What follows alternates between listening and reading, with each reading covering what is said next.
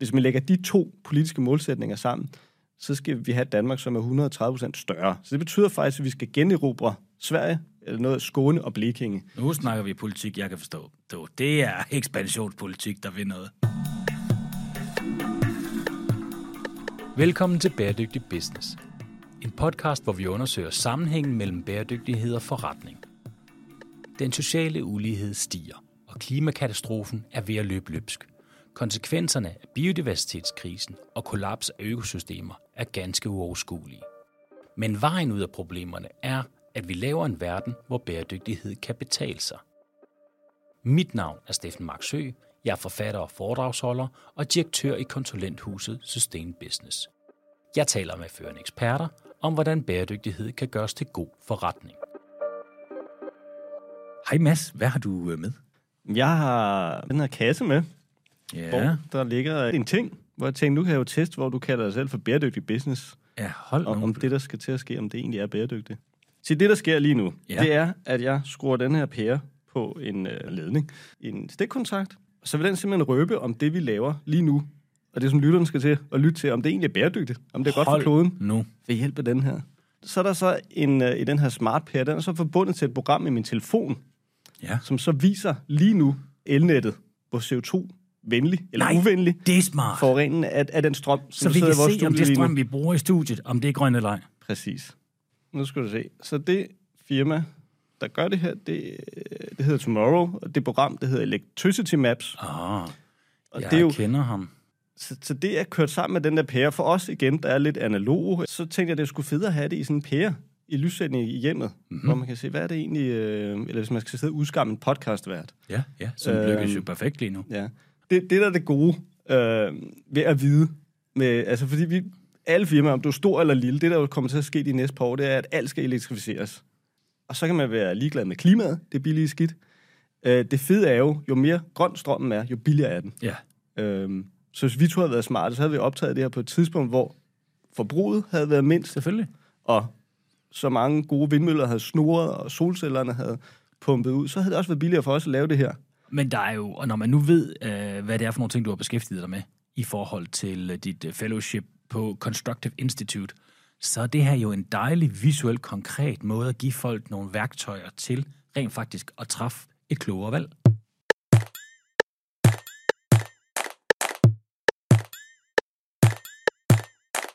Mads Nyvold, tusind tak, fordi du vil være med i Bæredygtig Business. Tak. Du er jo, hvis det skulle komme bag på dig, journalist. Du er jo faktisk det, man kalder en klimajournalist. Det er jo ikke en beskyttet titel, skal jeg så lige sige med det samme, men du har måske gjort dig fortjent til det, fordi du har, for det første så har du skrevet for Zetland, som jo er et af mine yndlingsmedier, vil jeg godt lige have lov at sige, hvor du skrev rigtig meget om klima. Så er du faktisk også journalist på Klimamonitor, hvilket jo er et dejligt lille fagblad, hvor man kan læse ekstremt meget om øh, øh virkelig kvalificeret viden omkring øh, den grønne omstilling i særdeleshed og erhvervsliv. Så det kan man også godt anbefale. Og så har du jo lige gennemført endnu mere skolegang, fordi du er blevet færdig på Constructive Institute, hvor du har været fellow.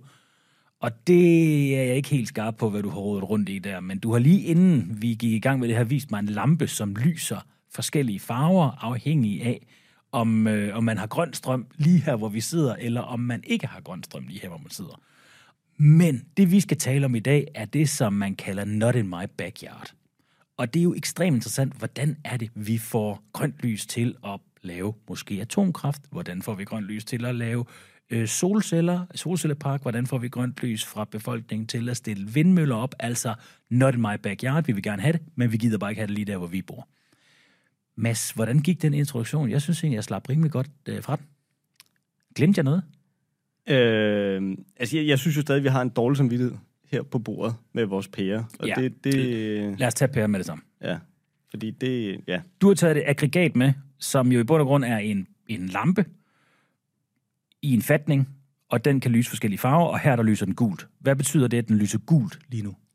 Det betyder, at vi egentlig ikke burde sidde her, Steffen. Nej. Fordi, nu, nu sidder jeg her og lytter. Jeg håber, lytterne kan se, at jeg, jeg sidder med et, et, et grin og Et smiler. smørret smil. Ja, det, det betyder, at strømmen den er lidt under gennemsnittet, hvor grøn den er her i Danmark. Ja. Så der, der bliver pumpet lidt olie og lidt gas ind i kedlerne her på Sjælland, hvor vi sidder lige nu i studiet. Vi kan faktisk se den, når vi åbner vinduet.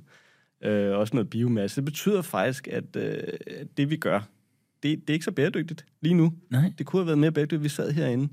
Øh, og ligesom så meget andet i tilværelsen, der handler det om strøm. Og det er jo lidt det, vi skal tale om i dag. Det her med, vi skal have pokkers mange flere solceller og vindmøller rundt om i Danmark, fordi vi kommer til at have, bruge 50% mere strøm de næste år. Det er der Og ingen hvis vi har til- siddet på din hjemmebane Ja. ja. i Aarhus, Hvad er forskellen på det jyske og det sjællandske her? Det er jo- Bortset fra, at der ikke er moms i den jyske del. det er, at øh, der, der er ikke lige så stor befolkningstæthed generelt i Jylland. Vi har lidt flere marker. Det Ja. vil jeg godt medgive. Nemlig. Og der er landmænd, som har været gode, eller lodsejere, til at sige, hvad tjener jeg flest penge på? At det er afgrøder og majs og så videre. Så har nogen sagt, det, eller ikke, de har sagt, de ved det, at øh, man kan tjene flere penge på solceller især. Øh, ved at smække sådan nogle op og høste sol. Og så er der kommet mange flere solceller over i Jylland. Men det er da Øh, fantastisk. Det er super godt, så, Jamen- så den vil måske lyse grøn pæren, hvis vi sidder og optog over i Aarhus. Det, det siger jo alt om incitamentstruktur. Det handler jo bare om at få lavet nogle ordentlige rammer, så skal vi nok få det knaldet op. Ja, bortset fra, at øh, der er også nogle mennesker, der skal kigge på de her solceller eller vindmøller. Ja. Øh, og det går godt nogle gange, og andre gange, der går det ikke så godt. Fordi det er jo det, vi skal snakke om i dag. Fordi det her, det er jo nok noget af det, der... Altså, ja, nu er der mange ting inden for bæredygtighedsgenerne, der interesserer mig. Men jeg vil sige, det her med, at vi har selvfølgelig udfordringerne med, at vi skal lave en masse vindmøller og en masse solceller, fordi det belaster planeten og producere dem. Men de giver noget grøn strøm igen, og, og det er, teknologien er, hvor den er lige nu. Så, så det er sådan, det må være. Samlet set er det et godt regnestykke. Så har vi selvfølgelig noget lovgivning, vi skal have til at spille, sådan, så vi kan få lov at, at få de her ting sat op. Det er mildest talt ikke velfungerende lige nu. Men vi har altså også den der lille apperdabai, der handler om, at folk gider ikke at have det i nabolaget. De vil ikke have det ved siden af deres hus. Nogle gange med god grund, fordi at, at man ved, at vindmøller og solcelleparker, de kan gøre det sværere at sælge husene efterfølgende. Det kan være sværere at få realkreditlån ind, og, og mange andre sådan, uh, tekniske ting, som er en stor udfordring. Men der er jo også det der psykologiske i det. Altså, folk gider ikke at have det. De vil gerne have grøn omstilling, men de gider ikke have solcellerne. Hvad sker der lige der? Det var, nu nævnte jeg, at jeg lige havde været på overlov og en pause. Øh, det, det var egentlig også fordi, jeg, jeg stiller også det spørgsmål, hvad, hvad pokker sker der her, hvor jeg tænkte, som journalist bliver jeg brugt som nyttig idiot. Ja. Fordi øh, altså jeg, jeg har skrevet om grøn omstilling nogle år, og der er jo sket det, at hey, nu klimakrisen, det er vi overstået, på den måde, at det er kendt videre. Så næste del, det er, så skal vi have bekæmpet klimakrisen, så skal vi have noget billig, god, grøn energi opfundet. Det er faktisk sket. Vi, øh, det kan altid blive bedre, men, men basically så handler det egentlig bare om at få det udrullet i dag. Øh, så det er næste skridt. Og der kunne jeg så se, der skete der noget, øh, blandt andet i Danmark, især i Danmark, med øh, at det gik i stå. Øh, der var projekter, der blev skrinlagt og lagt ned. Øh, så så prøvede jeg sådan, hvad, hvad, hvad er det, der sker her? Øh, og ofte og ofte, det jeg stødte på, det var, at øh, der var simpelthen sammenstød i kommunerne mellem øh, firmaer og så de borgere, der skulle til at bo øh, ved siden af de her solceller eller vindmøller. Øh, altså, tænkte, det, det, det bliver jeg nødt til at undersøge. Jeg kan simpelthen ikke af, er det bare nogle borgere, der klynker, eller er det nogle... Øh, Ja, nogle hvor stort er det her ligesom? Fordi er det bare piv for nogen, eller, eller er det sådan generelt ud over hele landet? der vil jeg jo elske, at jeg kunne komme med et øh, rigtig klogt svar, fordi jeg lige har brugt 12 måneder på et anerkendt universitet i at undersøge det her. Det har jo ikke været mig, der håber på. Eller, det kan man jo godt forvente lidt, men, øh, men det kan jeg jo godt mærke, at vi ikke får. Altså, Er det alle, der har det sådan her, eller er det færre områder, eller, eller få områder? Altså, kan, kan du sige bare lidt om det? Øh, man kan sige, altså forskerne, det er først noget nu, de begynder at kigge på for alvor. Øh, og det er, jo, det er jo altså, det her sociologiske fænomen er jo velkendt. Ja. Tilbage fra, når man skulle anlægge motorveje. Der er jo ikke nogen, vi vil alle sammen gerne have en motorvej at køre frem og tilbage, men vi gider sgu ikke bo ved siden af den. Øh, børnehaver, det støjer. Men vi vil da gerne have, hvis vi selv har fået børn, at der, der, der er rigeligt med børnehaver i Ja. ens kommune, og øh, psykiatriske hospitaler, hvis man får dårlig mental helbred. Det vil man da også pokkers gerne have. Men så det er en gammel problemstilling. det er en super gammel og velkendt problemstilling. Men det er ikke undersøgt. Øh, man er først for alvor, og det er også det som journalist, hvor jeg nogle gange føler, at jeg er sådan ude at bedrive øh, grundforskning lige pludselig, øh, uden at fremhæve mig selv. Og det, det, der er mærkeligt, når jeg er på energikonferencerne fra industrien, det er, at de så siger, at det her det er et medietalt op problem. Det er ikke så stort. Det er måske en til to personer, der sidder og råber højst til borgermøderne. Det er ikke så stort. Men jeg tror, det der er det vigtigste at, at forstå, når du så spørger, du, du efterspørger sådan lidt den her generalisering, hvad- hvor stort er problemet, ikke? Jo. Og, og der, der kan man jo sige, altså selv hvis der kun er en eller to personer, som klager over et projekt, jamen, så er det jo stadigvæk et problem. Også hvor man nogle gange siger, åh for pokker, kan du ikke, det er jo bare nogle solceller. Hey, du bor ved siden af en, en brun mark, som ovenikøbet stinker af gødning mm. nogle gange om året. Ikke? Hey, du får solceller, der kommer øhm, beplantning op, det bliver da pænere. Men der tror jeg, at vi alle sammen har sådan en psykologisk ting, og det er, at man nok får sådan lidt besjæling efterhånden, når man har boet et sted. Så bliver man sgu glad for det der ah. træ og den der udsigt. Mm. meget skægt, fordi jeg talte med Jesper Kjeldsen, som jo, nu bliver vi lidt jysk i det, men han, øh, han er rådmand i Aarhus, og han taler om et begreb, han kalder klimaæstetik, som jeg synes er meget sjovt begreb. Det her med, at måske kunne man godt begynde at se en vindmølle som faktisk værende smuk, øh, og have en større betydning. Hvad tænker du om det? Det synes jeg er super godt ord. Ja. Øhm, nu sidder vi jo så her i øh, et studie på øh, sådan nærmest det skjulte energihop ja. i, i, øh, i hovedstadsområdet med olietønder bagved os. Jeg tror, det hedder prøvestenen, det her, hvor vi sidder. Ja, øhm, og, og der har vi jo det, når, når der kommer udlandske gæster til at københavnerne, skal selvretfærdiggøre sig selv, så siger de, at vi har jo nogle vindmøller lige herude. Så viser det dem, der er herude ved, ved, ved Amager. De her, jeg tror, der er 20 vindmøller. Hmm. Øh, og siger, hey, vi vil jo gerne have vindmøller i København. Ikke? Ja, vi er totalt for dem. Ja, vi, har 20 vi, vi, vi er grønne. Ja. Ikke? Men det er slet ikke nok til at retfærdiggøre dem. Og det er sådan, det er sådan de her idylliske vindmøller, der er her. Ikke? Alle andre steder rundt om landet, jamen, der folder de problemer, de her. Der, der ser man altså anderledes på de her, eller ikke, nu kom, det var en generalisering, men mange andre steder. Men, men pointen er legitim. Det handler jo lidt om, også når, når regeringen er ude og tale om, om øh, dansk klimapolitik, så fortæller de om, om de øh, tre vindmøller, vi er tilbage, og, øh, og så glemmer man lige at få, få proportionerne med, og sige, at vi skal egentlig have rejst mange flere, og det går ikke super stærkt.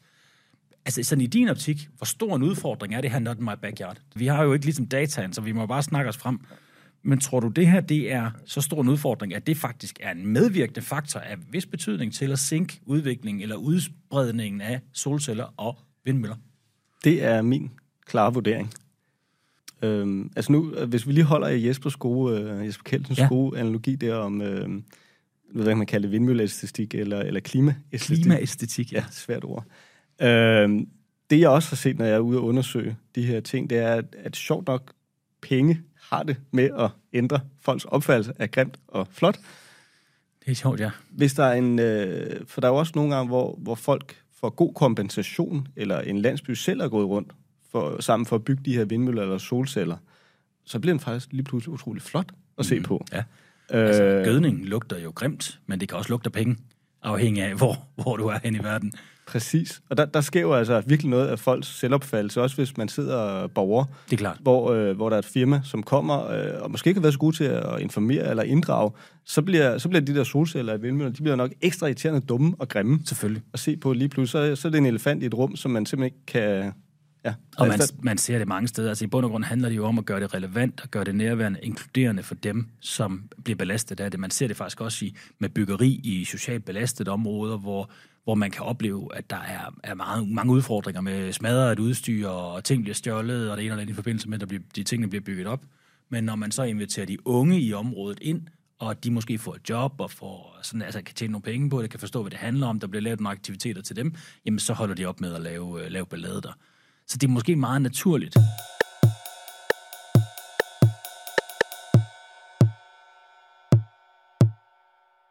Er der noget politisk fokus på det her, enten at, at man hører det sådan lidt, man hører noget brok om det i ny og næ i medierne, og så er det det? Øh, så vidt jeg kan se, ikke nej på nationalplan, men ude i kommunerne, der er man, der er man virkelig opmærksom på det. Og det er jo, der, der er også lidt et skisme, fordi så har vi Mette Frederiksen, som har været ude og sige, hey, øh, vi skal have fire gange så mange flere solceller og vindmøller øh, inden 2030, ja. for at kunne opfylde vores behov på land. Gå ud og gør det, siger ja. hun. Det, det, det, det er man så enig på for nationalplan. Problemet var, at du sidder ude i kommunerne. Det, det er dem, der skal udføre den her. Det er dem, der får slagsmålet. Altså, det, er det eneste, hun har sagt. Det er jo nogle flagermus her, hvor vi sidder, som så har mm. stoppet et, øh, at, at her i hovedstaden, at man kan få grøn strøm.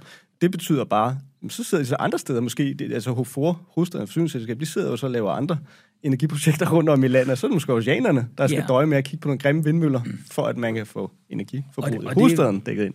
Det er super vigtig pointe, fordi, og det er jo det her med, når man så når der er nogle flagmus eller nogle andre dyr, som, som gør, at man ikke skal have en vindmøllepark, så er det jo fordi biodiversitet og klima clasher, og så skubber man dem andre steder hen, og så går det ud over nogle... Altså, men det er jo meget interessant det her med, at man skubber det ned og siger, regeringen siger, at vi skal have så og så mange, så er det kommunerne, der skal effektuere det. Og de står altså til at miste, de politikerne, de står derude til at miste rødderne. Der er ikke nogen, der gider stemme dem ind igen, hvis de får, får vindmøller i baghaven.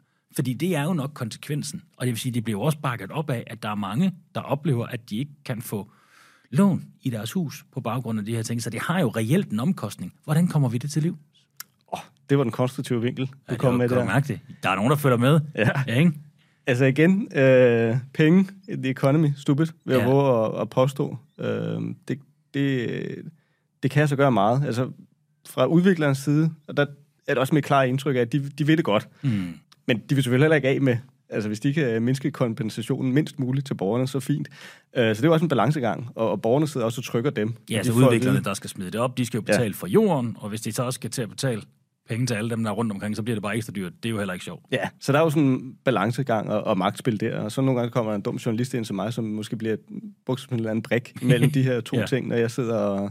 Det kan være, der er en borger, der klynker ekstra meget, fordi så kan han lægge pres på, på energiselskabet, der vil banke nogle solceller og vindmøller op, og det kan være, at energiselskabet prøver at nedtone det her problem og bare sige, at det er kun to borgere, ikke? Og så går jeg ud, så rejser jeg ud. Så nogle gange, altså jeg har været ude og finde ud af, at så var det en halvdelen af en landsby, som var i oprør over det her. Ja. Og så havde energiselskabet, så kan de selvfølgelig sige, ja, det vidste vi ikke, eller de har ikke tur at sige frem. Og det, der, er- der er mange svære psykologiske effekter af det her, fordi altså, det er jo sådan noget, som splitter landsbyer ad. Det er det da. For, fordi der er jo nogen i landsbyerne, der er glade for det her, fordi de får gode kompensationsordninger. De kan sælge deres hus for, for fine beløb, hvor energiselskaberne, fordi der, det er jo, altså strøm, det er jo, det er jo god business, ikke?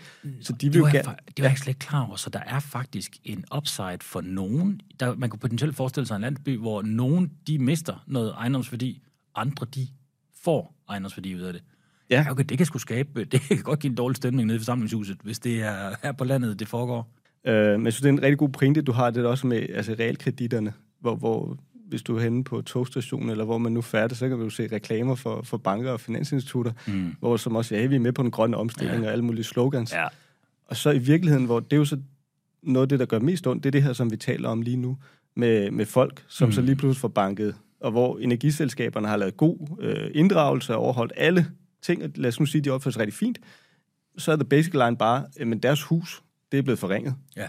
Fordi, og så har vi et realkredit, som siger, de, uh, de er også grønne, og vi ved det hele. Mm. Og så lige pludselig så er de ændret. Så, så Ja. det her... øh, Jamen, det, ved du hvad, og det er derfor, man skal gøre ligesom øh, som Nykredit har gjort. Deres slogan det er, at det skal være nemmere og billigt at træffe et grønt valg, end at være ligeglad. Og det er jo ikke, fordi jeg siger, at Nykredit nødvendigvis gør alting perfekt, men det slogan, have det som et, en, en nordstjerne. Det skal være nemmere og billigere at være grøn, end at være ligeglad. Det er sgu et godt udgangspunkt. Og det er det jo ikke her, når det sort på hvidt går ud over nogen. Hvis de bliver insolvente, fordi at deres hus mister værdi på grund af en, en vindmølle, det vil jeg på vegne af min familie, og så være vildt træt af os. du, du havde en fin pointe med det der med, at det er også en fordel for nogen. Øh, og det, det er det, der jeg synes, der er super svært, at nu, øh, hvor, hvor du prøver sådan lidt at, at hudflette mig, i hvor, hvor stort et problem er det her. Ja. Der kan jeg prøve at vise dig noget. Øh, for, øh, jeg tror det er for cirka tre år siden. Altså det, nu hvor du spørger mig, hvor stort problem er det her, ikke? Yes. Jeg tror, for cirka tre år siden, der kom der en pressemeddelelse hos mig og alle andre journalister, og vi skrev øh, milevidt om det, om et øh, Nordeuropas største solcellepark. Den ligger faktisk i Danmark. Mm. Øh, så jeg sad og kiggede på, og har skrevet om det her, ligesom alle andre journalister, øh, og det ser super godt ud. Alle vinder på en grøn omstilling. Vi bliver rigere og bedre og gladere. Øh, og der sad jeg så og kiggede på det her kort, og der var et eller andet i baghovedet. Det var først seks måneder senere, hvor jeg forstod, hvad fanden det var, der skulle ud i baghovedet. Øh, og der, det, du kan se her nu, der ser du sådan et øh, skaleret felt ved siden af en landsby, og så gik det op først op for mig, så i midten af det, så kan, du- kan du læse, hvad landsbyen hedder. Mm, Landsbyen hedder Jo- Jol- Jolrup. Jollerup, Jollerup. hvis jeg udtaler det rigtigt. Øh, og den er jo så omringet af en solcellepark. De, de, Det er fuldstændig ringet ind. de bor i dag, 75 procent af deres øh, verdenssyn, det er en solcellepark. Så de er simpelthen spærret ind i en solcellepark. Også lidt irriterende. Øh, og der er også pigtråd rundt om. Fordi det skal, den koster også noget med 1,2 milliarder at lave, så det er forsikringsselskab. Det er meget, måske meget fattigt, synes, den lige skal Mm. spærres ind. Ikke? Så jeg tænkte, så tog jeg den ned som journalist, for at se øh, altså det her med not my backyard, og ligesom, kan vide, hvordan, hvad de egentlig synes om det. De her mennesker, det kan godt være, de er glade. Så, hvad sagde de så? Jamen, så den første, jeg mødte, det var, det var Jan Larsen, som, øh, som boede her, og han trådte ud og sagde, der er noget, du skal se, Mads. Så kom han tilbage med sådan et 3 meter høj pæl, hvor han har banket et protestskilt på med sure smileys, og hvor der stod, øh, skriver han, søger fangevogter søges. Øh, det er den nye fangelejr.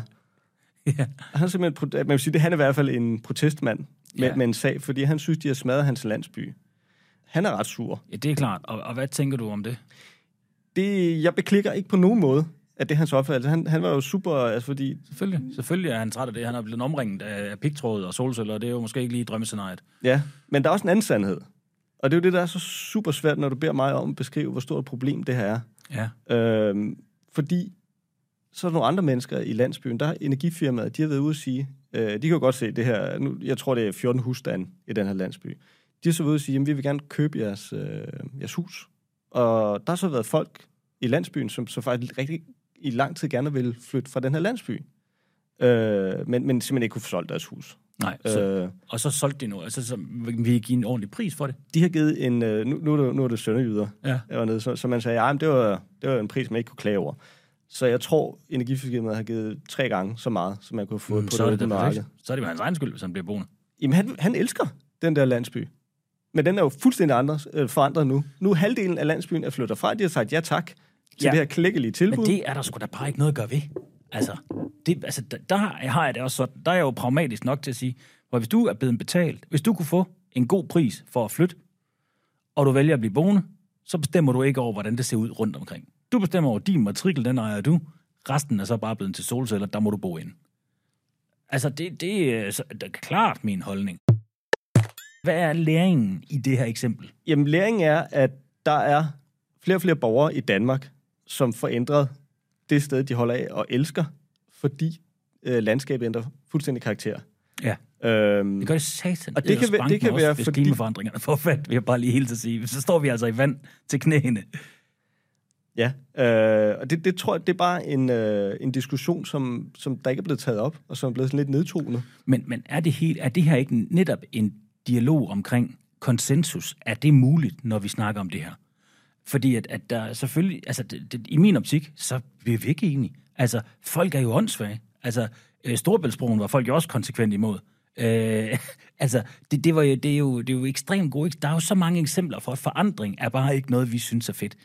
Og vi står bare i forandringstidsalder, fordi vi har fucket op igennem de sidste 100 år. Nu bliver vi nødt til at fikse noget af det. Så, så, så der tænker jeg jo, der må man sgu godt trumme lidt igennem i, i min optik. Og hvis det er så mig, der ender med at bo i sådan en, så bliver jeg rigtig sur over det. Så fortryder jeg, at jeg har sagt det. Men, men øh, så er det nok, fordi jeg er blevet, en- at det er gået ud over mig i sidste ende. Men det må jeg jo bare tage det til med det søde. Altså, man kan også vente den om og sige, i, i helt gamle dage, da vi alle sammen boede i, i landsbyer, øh, og hvor der stod inde på tår, der stod der jo en mølle, der, der kværnede ting fra os, og der, der havde vi jo andel i den her mølle, andet dem, der boede der. Mm. Og så siger jeg, det er det, vi skal gå tilbage til. Øh, fordi det er jo, det er jo en, øh, både en gene, det er, hvordan, igen, hvordan man kigger på den, om man synes, den er flot eller ej, sådan en der.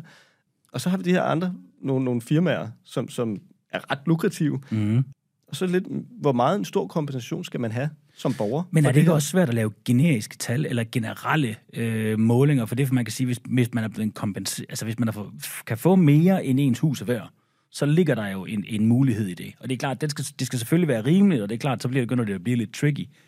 Øh, men andelstanken er jo fantastisk. Altså, det, det ville være super godt, hvis man lavede et eller andet, hvor man kan sige, at, at, at hvis man bliver boende her, så kan du blive ved med at få billig strøm i noget tid. Det er også bare ekstremt svært at, at lave regnestykker omkring. Så på et eller andet tidspunkt bliver man vel nødt til at trænge streg i og sige, det her det er sådan, vi gør det, og vi er travlt, vi har ikke tid til at vende og dreje alting. Jeg siger ikke, vi skal lave en mink-situation igen, men, men bliver man ikke nødt til at køre hårdt på også, hvis vi skal nå det? Det er jo så det, vil man sige, vores øh, forsynings-, klima- og energiminister Lars Aagaard har gjort med de her energiparker, som, øh, som han introducerede for en lille måneds tid siden. Øh, og hvor du lige stillede spørgsmål det her, jamen det er jo, hey, det, det må man finde sig i, ikke? Der udnævnte han, øh, jeg tror det var 14 steder i Danmark, hvor, fordi det her er ved at gå i stå, mm. så det var hans måde at sige, nu, nu skal vi speede det op. Og så, så var der de her 14 steder, der er blandt andet et sted øh, lidt uden for Ringsted, Ja. hvor, hvor det allerstørste, øh, altså der, hvor de, øh, borgerne får udsigt til flest øh, solceller og vindmøller, ikke? Og der var folk, der er flyttet hen. Ja, de, måske var det et hu- hus, der var billigt, eller måske elsker de udsigten, øh, stillheden, I don't know. Øh, de har så udsigt nu til at blive omringet af vindmøller og solceller. Og, nu kommer brinken så, de får i kompensation 7 til 14.000 kroner om året. Ja, okay, så det vi snakker om nu, det er, er det prissat korrekt? Det er det. Det lyder umiddelbart lidt af ikke ret meget. Altså nu, hvor bor du hen, Steffen? Jeg bor i Aarhus. Du bor i Aarhus, ja. Altså, I har jo også sagt nej til, til vindmøller nede i jeres bugt. Ja, jamen, det er jeg slet ikke i tvivl om. At Nu siger du vi. Jeg stemmer jo ordentligt, vil jeg lige sige. Så det er ikke, det er, jeg stemmer jo kun klima. Jeg tager ikke forhold til noget som helst andet. Men selvfølgelig, men, men de skal jo stå et sted. Så, så det vi er op imod, det er vel, at det skal jo gå ud over nogen. Og så er det klart, at, at, at det bliver nok et, et, et rigtig dårligt resultat for de områder, hvor der bor færrest folk.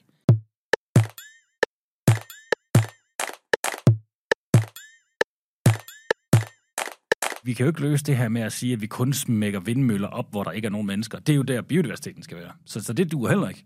Så, så, så hvordan går man til det her lidt konstruktivt? Øh, igen, så, så tror jeg altså, så, for det første, så peger pilen tilbage til Mette Frederiksen og company. Fordi der, når jeg taler med borgmesteren derude, det er jo dem, der får, Mm. øh, undskyld udtrykket, lorten, Mm. uden helt at fordele i gevinsterne. Ja, Og er der, der foregår altså lidt et spil, som man ikke er helt åben omkring, hvor de prøver at presse Mm. energiudviklerne. Og det, det som så også, altså det, det er jo derude, realpolitikken bliver, bliver ført, derude i kommunerne. Og du nævner selv det grønne. Altså, øh, Teknologirådet, de har lavet et regnestykke, hvor de kiggede på de her, vi skal have flere, mere grøn strøm, så vi skal, der skal bankes øh, solceller og vindmøller op. Samtidig skal vi også have uberørt ting, så, øh, så insekterne kan få lov til at passe selv i fred, og der kan, hvad den hedder, træer kan, kan skyde op af jorden. Hvis man lægger de to politiske målsætninger sammen, så skal vi have Danmark, som er 130% større. Så det betyder faktisk, at vi skal generobre Sverige, eller noget af Skåne og Blekinge. Nu snakker vi politik, jeg kan forstå. Det er ekspansionspolitik, der vil noget. Og det er jo altså det, Mette Frederiksen sagde. Altså noget does not compute. Nej. Og det er altså rundt... Sådan er det med relativt meget, der kommer fra regeringen af, siger jeg lige for egen regning. Ja, så, så, og det kan ikke lade sig gøre. Men det er faktisk en virkelig god pointe, hvor man siger godt, de stikker retningslinjerne, men de giver ikke kommunerne mulighed for at få en del af gaverne, så at sige, der følger med. Så de kan jo have nogle værktøjer, så de kan få det her implementeret. Jeg, jeg har jo meget det der med, at vi står også over for nogle reelle problemer. Vi bliver nødt til at gøre noget, og jeg, jeg bliver så træt hver gang det er, at folk de bitcher og whiner over, at tingene ikke kan lade sig gøre. Jeg ved godt, jeg vil også gøre det i den situation. Men, men der er altså nogle gange, altså når folk de falder døde om et sted, og de kommer ind i en ambulance, så må de altså også godt køre over for rødt, fordi vi skal redde den person, der ligger inde i ambulancen. Og så kan det godt være, at jeg holdt i kø og var forrest, men sådan er det bare. Der kommer en ambulance. Og jeg har det lidt på samme måde her. Udfordringen er selvfølgelig bare, at det skal jo forvaltes af nogle mennesker, der tænker the greater good ind i det. Og det skal jo ikke bare være nogen, der tænker, at de skal have deres styr på deres egen politik, og så er det de kommunalpolitikere, der skal ligge og rode rundt med det, og i sidste ende, så går det ud over folk, der bor i vandkants Danmark. Men som udgangspunkt, så er jeg så klar til, at der kommer nogle skarpere regler. Det tror jeg, mange er. Det tror jeg ikke. Lige da jeg sagde det, så fik jeg også sådan lidt, "Ej, det skal godt være, jeg ikke har ret Altså, jeg, der." jeg, jeg tror virkelig, vi undervurderer det her problems omfang. Hjemme i din hjemkommune i Ja. Aarhus, der, var der, der var der borgermøde om solceller øh, i udkanten af Aarhus. Det er sjovt, at så placerer man altid øh, solcellervindmøller lige i udkanten, så det kan genere nabokommunen, ikke? Og det er der, hvor der ikke bor så mange mennesker. Øh, det er også der, udspekuleret, det hele var. ja, der var der en embedskvinde, der blev overfaldet af en borger. Som Altså fysisk overfald? Ja, der var vold, der var politianmeldelse. Nej. Og der kan man sige, der, der er lidt firkantet sagt, ikke? der går en lige linje fra, hvor statsminister siger, vi skal have fire gange mere øh, strøm, frihedsenergi, tror jeg også, hun har brugt udtrykket, i, i de her tider, til du står ude i kommunerne, og jeg kender slet ikke til, til baggrunden for den her, det er ikke kommet frem nu, fordi der er en politianmeldelse eller sådan der. Ikke? Jeg tror bare ikke, man skal forklare det. Der sidder folk ude øh, rundt om i Danmark, som føler sig lidt hægtet af stigende huspriser i øh, Aarhus-regionen, alle de store, store metropoler, så får du fra nationalplan øh, nogle nationale politikere, siger, at vi skal godt banke solceller vindmøller op, så kan de se, at deres hus bliver mindre værd. De får måske ikke altid en, en så fin kompensation. Nogle gange så glipper det også lidt med borgerinddragelsen, øh, har jeg også mm. set eksempler på. Øh, altså, at vi har borgere, som, som altså bogstaveligt talt, har, har oplevet, at øh, der kommer de her øh, stålgitre til, til solcellerne. De står og bliver banket i jordens kirte. Hvad fanden sker der? De bliver ikke blevet informeret. Hvad, hvad kan vi lære? Hvordan laver vi det her borgerinddragelse? Altså, jeg synes, det, de, øh, når jeg har talt med de forskere, der kigger på det her, de, og det er egentlig bare min personlige, ukvalificerede mening, som, øh, Altså, det er det eneste, jeg kommer med, vil jeg bare lige sige. så, som, som bedaget journalist. Øh, nogle af de ting, der sker lige, der, er- der er jo også kompensationer, der er noget, der er sat i systemet, mm. altså, det er, ikke, det er ikke det vilde vesten her, vel? Men, men der har man lige nu det, der hedder grønne puljer at så, øh, så rører der en procentsats fra profitten fra den strøm i lokalområdet, kan så tilfalde den her landsby, som er så uheldig, heldig, øh, at, at der er nogen, som har set, at det er et godt sted at placere. Der er gunstige vindforhold, eller der er lodsejere, som gerne vil af med deres jord til solceller. Øh, så laver man sådan en pulje der, og den tilfalder så landsbyen. Ikke går til bedre skoler, eller shelters, eller bedre gadelamper. Det, jeg tror, man skal gøre, Ja. øh, og som nu er så ikke min idé, nogle forskere, det er, at øh, profitten skal tilfalde det enkelte hus, altså matrikel bestemt. Ja, Fordi så er det jo dem, der døjer med generne, ja. øh, og hvis de vælger at flytte derfra, jamen, så får de jo ikke pengene med fra den her. Og, og den profit, som de her solceller og vindmøller genererer, de står jo typisk 25 år, jamen så tilfalder den her enkelte hus og deres husstand. Og så hvis de ikke bryder sig om lugten i bæreriet, jamen så kan de flytte. Jeg Så man tinglyser det simpelthen på ejendommen. Det, det, det tror jeg vil være den Det bedste er løsning. super oplagt. Også din, øh, nu, jeg har så svært ved æstetik. Æstetik, klimaæstetik. Ja. Så tror jeg sjovt nok, at de her solceller vindmøller bliver ret flottere at kigge på, når man ved, så længe jeg bliver boende her, så får jeg også profit og, og deler i den grønne bæredygtighed. Det er virkelig et rigtig, rigtig godt øh, råd, at man skulle øh, simpelthen sørge for, at det bliver målrettet konkret dem, der bliver berørt. Det giver super mening. Mads, tiden er jo løbet. Det har været sjovt at snakke om. Jeg kan virkelig mærke det der med, at, at hastighed versus inddragelse kan nogle gange, eller går ofte i konflikt, men nogle gange skal man skynde sig langsomt. Så hvis man gerne vil nå det, så kræver det måske, at vi laver rigtig meget inddragelse for, at det lykkes. Mads, tusind tak, fordi du var med. Det var en fornøjelse at tale med dig. I lige måde. Tak fordi du lyttede til Bæredygtig Business. Find mig gerne på LinkedIn, hvis du vil netværke, eller hvis du har idéer til nye episoder. Ris og ros er også velkommen. Del meget gerne podcasten med dine venner, og husk at give os en god anmeldelse, så bliver vi så glade.